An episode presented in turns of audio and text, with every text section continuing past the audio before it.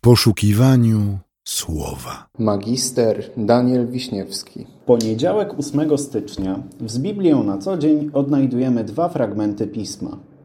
Pierwszy z nich pochodzi z księgi proroka Izajasza z rozdziału 9 z wersetu 2.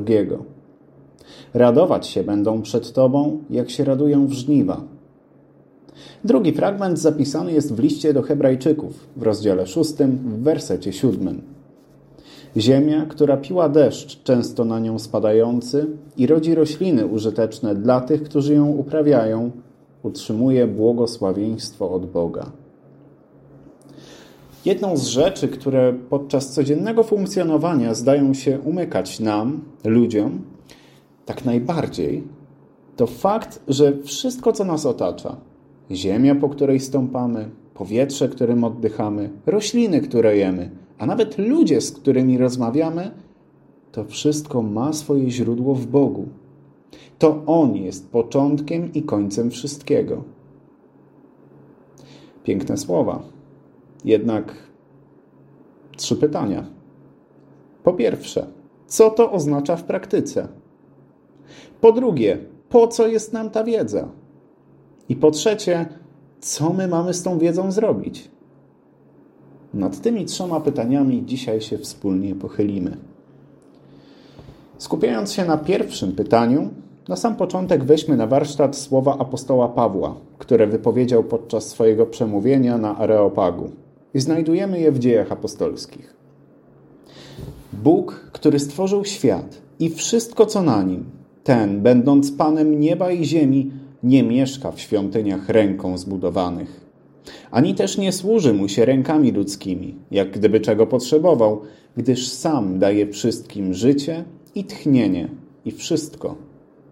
Z jednego pnia wywiódł też wszystkie narody ludzkie, aby mieszkały na całym obszarze ziemi, ustanowiwszy dla nich wyznaczone okresy czasu i granice ich zamieszkania. Albowiem w nim żyjemy i poruszamy się i jesteśmy. Jak to i niektórzy z waszych poetów powiedzieli, z jego bowiem rodu jesteśmy. I tym samym mamy odpowiedź na nasze pierwsze pytanie. Co to oznacza w praktyce? Oznacza to, że Bóg utrzymuje nasz świat w swoich rękach, daje nam życie, pożywienie, a nawet możliwość zadawania takich pytań. A teraz drugie pytanie, równie ważne. Po co jest nam ta wiedza? I tutaj zwróćmy się do naszego reformatora, Marcina Lutra.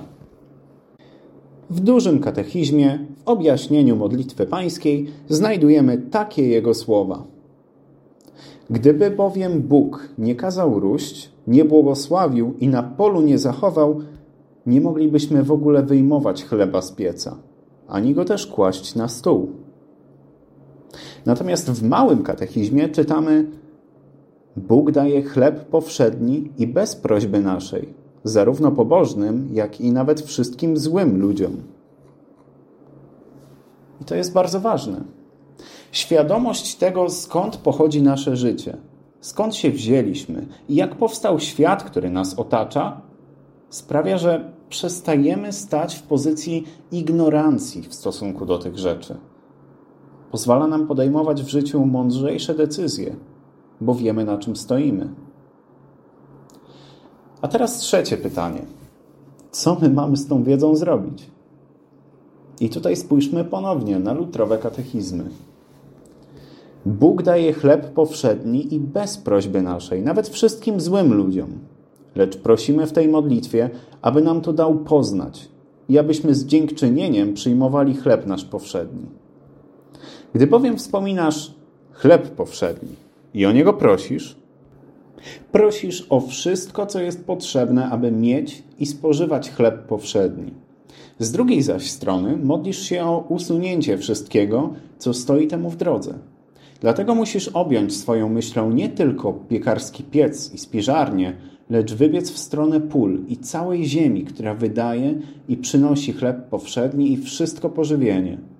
Krótko mówiąc, prośba ta obejmuje wszystko, co należy do całego naszego życia na świecie, które wymaga tego powszedniego chleba.